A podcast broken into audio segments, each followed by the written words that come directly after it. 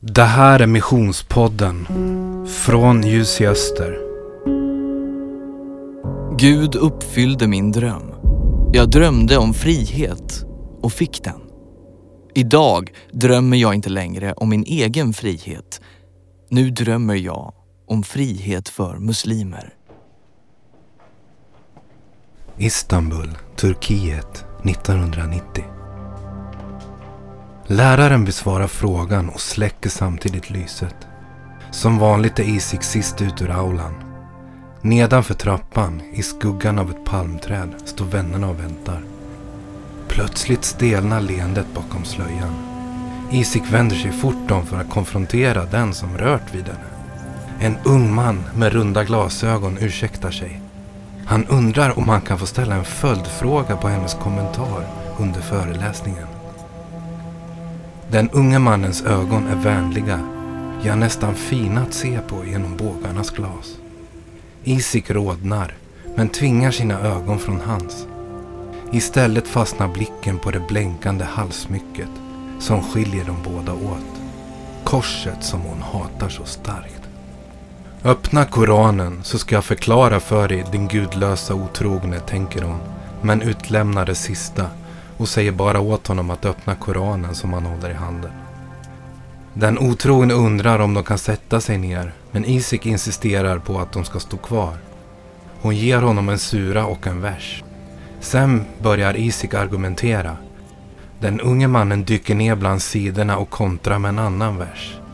Det går inte förbi henne att det handlar om Isa, den profet de kristna tror är Guds son. Hon avbryter honom mitt i argumentet. Han famlar lite med orden men nickar åt henne att fortsätta. Hur kan Allah bli med barn? frågar hon den unge mannen. Han ser frågande på henne. Ni kristna tror att Allah kom ner till jorden och fick barn med Maria, fortsätter hon. Nej, du har missförstått, försöker han. Allah har ingen fru och han kan inte ha några barn. Så hur kan din Isa vara son till Allah? Den otrogne börjar förklara, men Isik har slutat lyssna. Från bortre änden av korridoren kommer en man med glassiga solglasögon gående. Vid anblicken av honom kan Isik inte hindra sig själv från att le med hela ansiktet. Mannen ser misstänksamt på dem. Isik backar ett steg och höjer ögonbrynen för att signalera åt honom att komma. Vad händer här? Mannen med Ray-Ban-glasen lägger en tung arm om Isiks axlar. Frågan är riktad lika mycket till henne som till den man som talat med hans tjej. Den kristne lyfter på nacken och förklarar att han ställt Isik en fråga om föreläsningen. Nu försökte de bara utreda missförståndet om det där med Guds son. Allahu Akbar, Gud har ingen son, utbrister mannen förnärmat. Ingen kan vara barn till Gud, det är hädelse. Du kan tro att han är profet, det är okej. Okay. Men han är inte Guds son, säger han och radar upp sina heliga krigare. Det argument han lyssnat på sedan barnsben. Isik lyssnar inte längre. Hon värmer sig i den trygghet hennes fästman utstrålar. I honom har hon hittat en bundsförvant en försvarare av tron och krigare för Allah. För honom skulle hon låta sig själv gå i bitar och för övertygelsen de delade, sitt eget liv.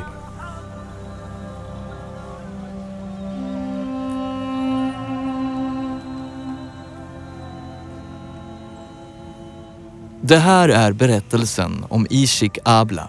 Flickan som ville förändra världen genom jihad och göra sig fri. I en misshandlad och för omvärlden oviktig muslimsk liten flicka placerade Gud drömmen om frihet. Men att detta innebar att mängder av muslimer skulle överge islam på grund av henne var det nog tur att hon inte visste då.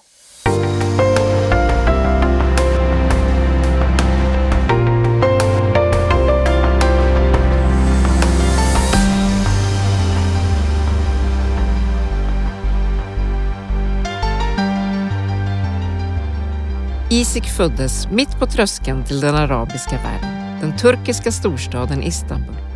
Som muslimsk liten flicka i Turkiet växte du antingen upp med liberala föräldrar som inte tog religionen och levnadsreglerna på så stort allvar. Eller så fostrades du i en kontrollerande och patriarkalisk släkt. För Isik gällde det senare. Den mansdominerade kulturen begränsade hennes frihet från första skrik. Våld var vanligt i hemmet. Mamman led av återkommande nervsammanbrott som hon lät gå ut över dottern. Isik tvingades växa upp fort. Mamman missbrukade. Isik behövde tömma kapslarna i smyg för att mamman inte skulle överdosera. Det fanns också en ständig oro för att pappan skulle lämna dem i sticket. Gång på gång hade han visat att han inte gick att lita på. Kvinnan har lockat håret och det vet Isik om att hennes pappa gillar. Hon sätter sig på knä i soffan och spejar på dem mellan nackstöden. Hjärtat hoppar. De tecknade figurerna på tvn väsnas och bråkar. Kvinnan stryker pappas arm, lutar sig fram och viskar något i hans öra. Han skrattar och det vet Isik vad det betyder. Klumpen i halsen växer. När han följer med kvinnan ut genom dörren kan Isik inte hjälpa att undra om hon någonsin kommer få se sin pappa igen. In under det valv som skiljer vardagsrum och kök åt kliver Isiks mamma. Ögonen är röda. Vispen skrapar mot plastbunken. Blicken är nålad i ytterdörren. Den lilla flickan sjunker ihop i soffan. Gråten är inte långt ifrån henne nu. Tomheten växer. Hon står villrådig. Vad ska vi göra nu, tänker hon och omfamnar tygkaninen och försvinner in i sovrummet. Intill sängen böjer Isik sina knän inför Allah. Tårna gräver sig ilsket ner i heltäckningsmattan. Pappa är ett svin, tänker hon. Kanske kommer Allah straffa honom för att han lämnar oss. Kanske kommer Allah göra allt bra igen. Familjen hade det bra ställt ekonomiskt. Fadern var en framgångsrik affärsman som många såg upp till, men som ansåg sig ha rätt till allt. Även kvinnorna i hans omgivning. Varje gång en av mammans väninnor kom på besök var Ishik rädd att pappan skulle fatta tycke för henne. Hatet växte mot hennes föräldrar för pappans otrohet och mammans hopplöshet.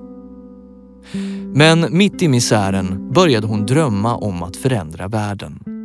Ingen kvinna skulle behöva vara med om misshandel eller otrohet. Hennes största dröm var att själv få leva i frihet. För att överleva i otryggheten vände sig Ishik till den islamska gudomen Allah och blev som mycket ung flicka en hängiven muslim. Tidigt lärde hon sig citera delar av Koranen. Vid sju års ålder var hon redan med och fastade under Ramadan. Varje dag bad hon plikttroget fem gånger. Ishik fann sitt värde i studierna och läste allt hon kunde komma över. Att alltid veta lite mer än de andra fick henne att känna sig mer självständig och det ingav också en viss respekt. I början av 90-talet, direkt efter gymnasiestudierna, började hon studera på högskolan. Det är där vi fångar upp tråden från inledningen. Vid det här laget insåg sig Ishik kunna förklara allt i Koranen och bland skolans mest radikala muslimer hittade hon sin like. Han kom från en radikal muslimsk släkt och var lika hängiven som hon själv. De gifte sig i sena tonåren. Islamisternas sak blev hennes och tillsammans propagerade de för och stödde ekonomiskt jihad, det heliga kriget. Hade de valt henne skulle hon gärna blivit självmordsbombare. Giftermålet skulle bli hennes frihet. På så vis rymde hon hemifrån men sorgligt nog rätt in i fångenskapen igen. De kommande åren var hon fånge i sitt eget äktenskap. Hennes make sparkade henne när han knuffat ner henne på golvet, spottade på henne och sa saker som sårade värre än slagen. Vid det här laget hade hon slutat drömma helt. Äktenskapet blev en tragedi, men arbetslivet en framgångssaga. I tjänsten reste Ishik till Europa där hon fick smaka lite av den frihet som hon tidigare drömt om. Men de nya, något friare tankegångarna var inte populära hos maken. Ursinnig reser han sig ur soffan och springer fram till Isik som just klivit innanför dörren. Hon ska just till att ställa resväskan åt sidan när han griper tag i hennes mörka hår och drar bak nacken. Kniven trycker mot strupen. För varje andetag rispas huden av det stickande stålet. Panikslaget suger lungorna i sig den omkringliggande luften. Den stinker av alkohol. Maken släpper kniven, knuffar ner den på golvet och tvingar ut Isik på balkongen. Den unga natten är mörk. Månen lyser svagt mellan minareter och höghus. När de pressas mot räcket ger fogarna med sig några centimeter. Hon skriker högt, men ur munnen kommer inte mer än ett ynkligt tjut. Rasande spottar hennes make ut orden över henne. Antingen så lämnar du landet eller hoppar och dör din hora!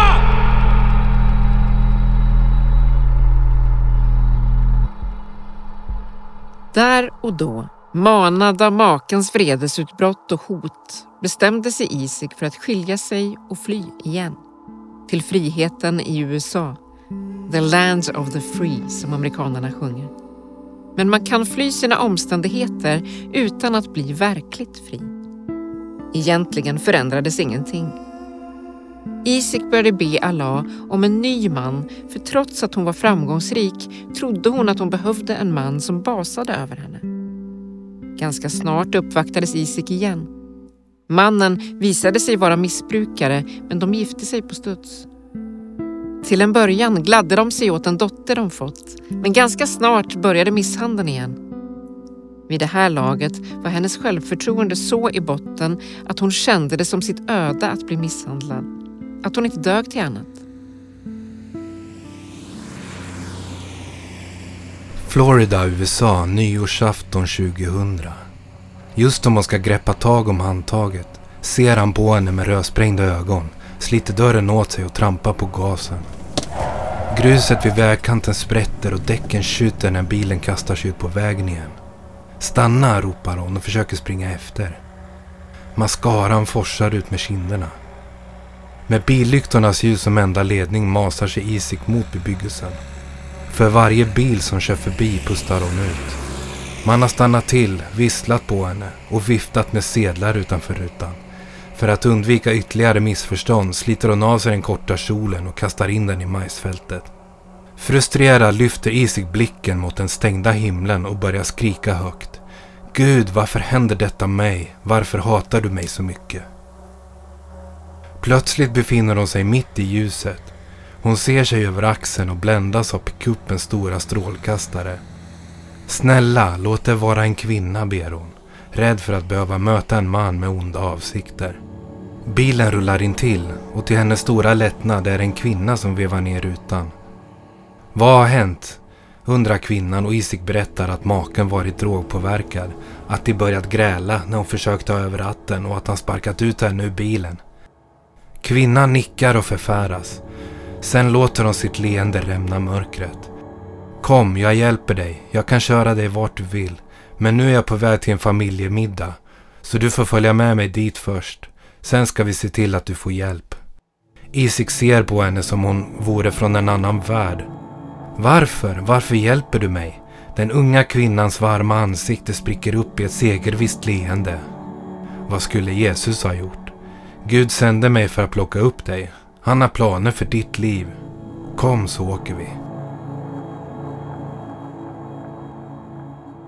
Under familjemiddagen grät Ishik floder. Kärleken hon upplevde hos alla som kramade om henne hade hon aldrig någonsin upplevt tidigare. Det var där och då det vände. Vi är på väg mot det tillfälle i Ishiks berättelse där ljuset bryter igenom. Men det hinner bli riktigt nattsvart innan dess. En morgon vaknade Ishik upp med självmordstankar. Hon upplevde hur någon viskade åt henne att livet inte var värt att leva. Inne på kontorets toalett våndades Ishik över sitt beslut. Hon ställde Gud mot väggen och krävde att få veta varför han hatade och hade övergivit henne. Förtvivlad, men med god min, stängde hon dörren om sig och sjönk ner vid skrivbordet. Kort därefter ringde telefonen. Chefen ville tala med henne på hans kontor. På väg ner genom korridoren hann hon tänka att chefen nog hört om de återkommande sammanbrotten och därför tänkte ge henne sparken. Chefen bad henne stänga dörren om sig och började förklara. Han hade aldrig gjort så här förut men nu var han tvungen att agera. Jesus hade precis berättat för honom att Ishik planerade att begå självmord samma eftermiddag. Han vill att du ska veta att han inte övergivit dig, att han älskar dig så mycket att han dog på korset för dig. När du var en liten flicka och blev misshandlad och utnyttjad fanns han vid din sida. Han bad att du en dag skulle vända dig till honom. Nu vill han att jag frågar dig, vill du ta emot honom som Herre och Frälsare? Ishik tvekade inte ett ögonblick utan föll till golvet och grät. På en sekund, vid en beröring av Jesus Kristus, försvann självmordstankarna och hon fylldes med en glädje som hon inte kunde hålla inom sig. Hela livet hade Ishik kämpat för sin egen frihet. Nu, genom Guds övernaturliga ingripande, var hon fri. Ishik berättade för alla hon mötte om hur Jesus förvandlat hennes liv. En dag träffade hon pastorn och bad att få tjäna Jesus i kyrkan. Göra det som ingen annan ville, till exempel städa toaletterna eller ta ut skräpet. Pastorn hade även han hört vittnesbördet och svarade med att fråga om Ishik ville vittna kommande söndag. Hela livet hade hon känt sig oduglig så därför var det svårt att tro att Gud skulle kunna göra något så stort som att tala till en församling genom henne. Hon skulle bara vetat vad som väntade. Ishik tog micken och trotsade lögnen om sig själv. Gensvaret var stort. Församlingar från när och fjärran ville höra den tystade flickan tala. Fingrarna trummar över köksbänken. Det går knappt att greppa att det är på väg att bli ännu större. Hon kan bara inte se det framför sig. Vem skulle titta? Vad händer om fel personer ser henne? Samtidigt som hon slevar upp riset i dottern sneglar hon på kalendern. Isik hade bett om mer tid, men den har snart runnit ut. Det är för dotterns skull som hon tvekar. Det skulle innebära en större risk för henne om hennes mamma visade sig på TV. Det skulle vara många där hemma som skulle bli arga. Morfar skulle bli galen, säger hon. Dottern tar emot tallriken och börjar pilla i riset. Sedan tittar hon länge på Isik. Mamma, rädslan får inte bestämma. År 2009 är Kanal Hayat, tv-kanalen med potential att nå in i varje turkiskt hem, redo att sända sina första program. Stödd av organisationer som Ljus i Öster och Ibra Media har man sedan sänt med full tablå. I USA stötte en av kanalens medarbetare på Isik som fascinerades av vittnesbördet och erbjöd henne rollen som programledare. Men det fanns all anledning för henne att tänka över beslutet. I hemlandet var det mer eller mindre skottpeng på evangeliserande konvertiter. Trots hotet knuffade alltså dottern ut mamma Isik i rampljuset.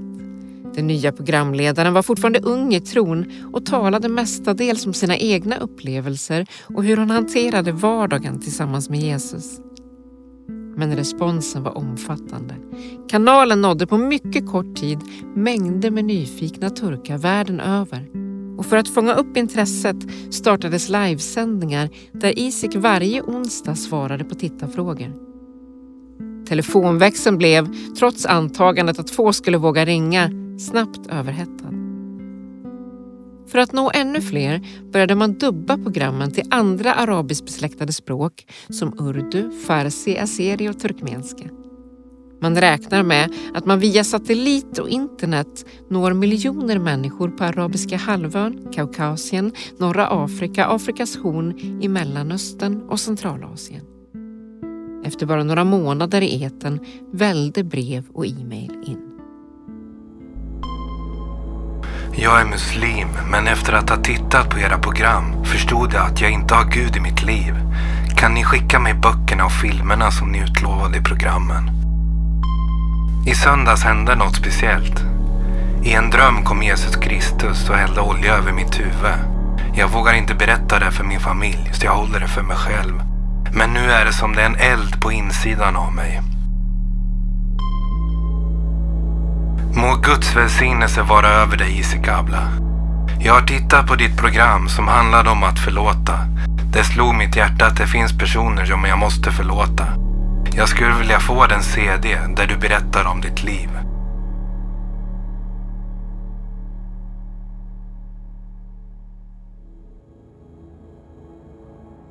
Även i Sverige blev Ishik ett känt ansikte.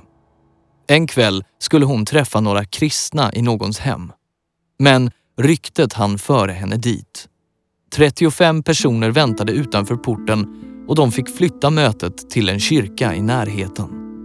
Idag sänds hennes program över flera kanaler rätt in i arabvärlden där de når ut till över 700 miljoner människor med budskapet om Jesus. Även via radio får hon vara med om att leda mängder med människor i sitt forna hemland till friheten i Kristus. Flickan som knappt fick ta ton, än mindre visa ansiktet i kristen TV, har nu över 6 miljoner följare på Facebook. För dem och miljoner andra är hon en missionär. Berättelsen om Isik Abla är en berättelse om frihet. Hela sitt liv drömde Isik om frihet, sin egen självständighet. Hon gifte sig för att göra sig fri från sina föräldrar och flydde landet för att slå sig fri från sin exman. Verklig frihet fann hon både för sig själv och sitt folk när hon mötte den Jesus hon hånat som ung. Hennes historia är ett vittnesbörd om hur Gud satsar på det som för ögat verkar svagt och motsträvigt men som ger bra mycket mer än hundrafalt tillbaka. Hon var en förtryckt liten flicka som drömde om att förändra världen. Världen är full av sådana som henne. Vem vet vad de drömmer om?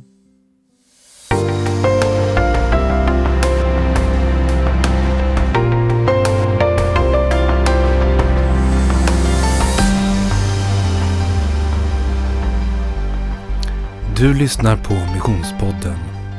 Vi fortsätter nu med ett samtal mellan Magnus Lindeman, direktor på Ljus i Öster, och Marcus Furingsten, fältansvarig på Ljus i Öster.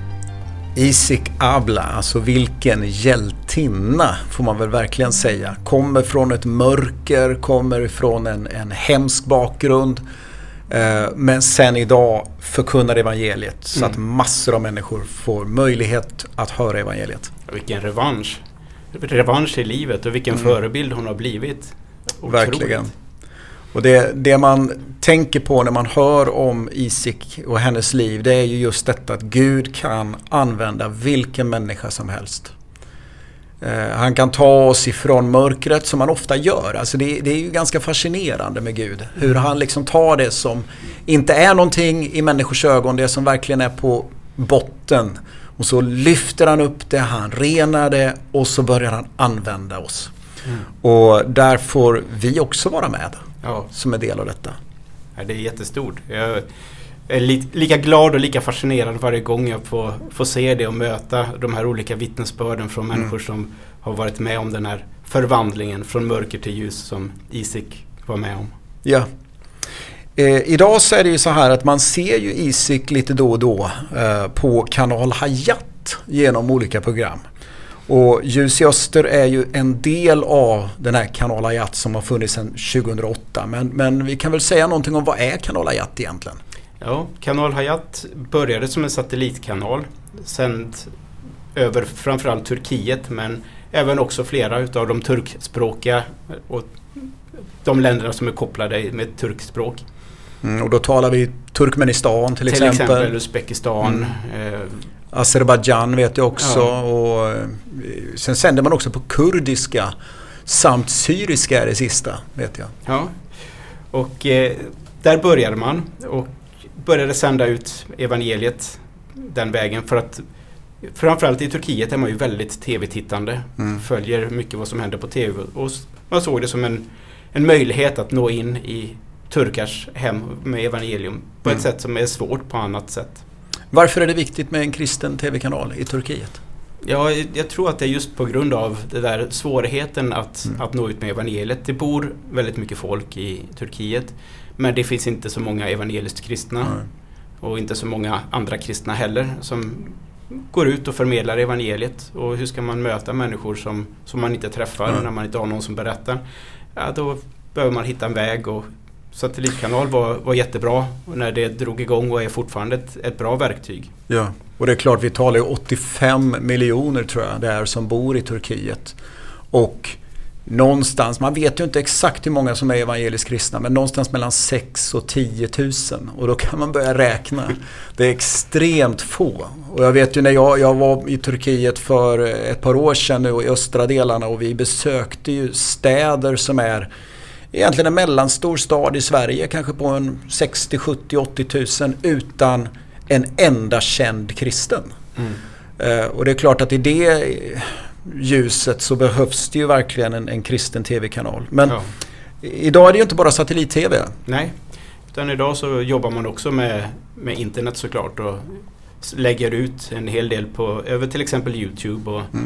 gör det möjligt för folk att följa med på, på internet och internetkanaler. Ja. Och eh, det funkar, funkar okej faktiskt får man väl lov att säga. Bra för att vara Turkiet. Mm. Om man når ut och eh, följer upp också på ett väldigt bra sätt. Jag är imponerad över det uppföljningsarbete som finns i, i Turkiet faktiskt. Det, det är sällan jag har mött på så pass seriöst uppföljningsarbete som det jag har sett där. Och det, Mm. det är fantastiskt att de tar vara på varje, varje samtal man, man får eller varje kontakt man får och, och ser hur pass seriöst intresse som finns och man möter upp de människor som man upplever att de här kan man fortsätta dela evangelium med och på sikt Ja. också eh, införliva dem i en, en kristen gemenskap. Vi satt ju för ett par år sedan så satt vi med huvudansvariga för uppföljningen.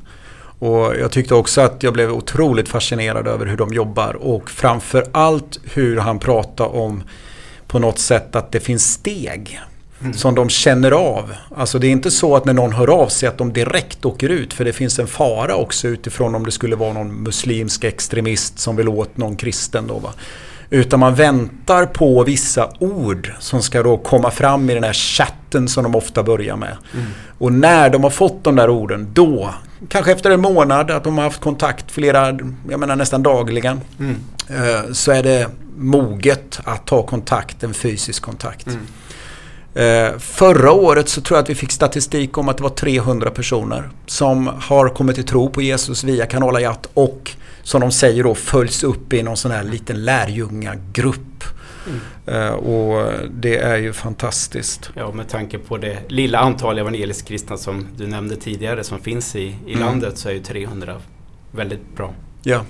Eh, Det som jag fascineras också av det är ju deras målmedvetenhet, de som jobbar med de här programmen. Och eh, det finns ju en del som gör eh, framförallt ungdomsprogram Mm. som också är ganska fascinerade. Ja, absolut. De jobbar genom dem väldigt bra, väldigt professionell kvalitet. Det är, det är ju som det hade varit i Sverige typ. Mm. Så att det, det är riktigt bra gjort. Och jag vet också vid något tillfälle när de berättade att de fokuserar egentligen två områden. Det är känslor och det är intellekt. Eh, så det är antingen då program som handlar om eh, ja, men, där man kan brottas med vissa frågor kring vem är Gud och, och sånt som kanske är i beröringspunkt mellan islam och kristen tro. Gudsbilden och eh, har Jesus funnits? Nej, men sådana här bitar. Och samtidigt då med känslor och då är det mycket musikvideor Ja, eh, som man har. Eh, om man nu vill vara med. som svensk, vad gör vi då? Ja, vi ber. Ja. Vi ber för Turkiet, vi ber för Kanal Hayat och vi ber för de troende i, i landet. Lyfter upp dem inför för Herren. Alla de nivåerna behöver vi ha med i vår förbön. Och sen så kan vi också, precis som, som eh, den här kvinnan som plockade upp Isik vid vägkanten, Mm. så kan vi också dela vår, vår tro och Jesu kärlek mitt i vardagen. Ja. Att möta människor i precis där vi är och Mm. bjuda med dem in i vår livsvandring tillsammans med Jesus. Ja, men och det, det är otroligt fascinerande att det, vi vet ju inte vem det var. Alltså Isik vet ju det men det får ju Mm. inte vi reda på. Vad hette den här kvinnan? Eh, vad hette mannen på, på företaget som då liksom kallar in henne och är, är den som talar ut Jesu ord över hennes liv? Mm. Eh, det här är ju på något sätt namnlösa hjältar Mm. och som är minst lika betydelsefulla för det som händer sen. Absolut. Eh, och, och det visar ju att vi alla kan vara med. Ja. Och jag tror det där är en av de absolut viktigaste lärdomarna som vi tar med oss efter det här Mm. samtalet, den här presentationen av Isiks liv. Att vi, vi är alla Ja. värdefulla och vi kan alla bidra till en annan människas livsförvandling. Och vi vet inte vem det är vi hjälper. Precis. Eh, Jag tänker också om man tar i, i Nya Testamentet så har vi ju Ananias som faktiskt är den som får hjälpa Paulus. Och vi vet egentligen inget mer Nej. om Ananias mer än att han bodde i Damaskus och han hörde Gud och sen så gick han och fick be med Paulus. Och sen så är det Paulus sen som vi vet väldigt mycket om. Mm. Eh, Och det är fascinerande. Eh, Men sen så kan vi också vara med och bidra ekonomiskt. Absolut. Det behövs medel för att kunna driva satellitkanaler och Mm. internetaktiviteterna som, som man har via Kanal Hayat. Ja. Så vill du vara med och bidra till det så är du varmt välkommen att ge din gåva till Ljus Öster.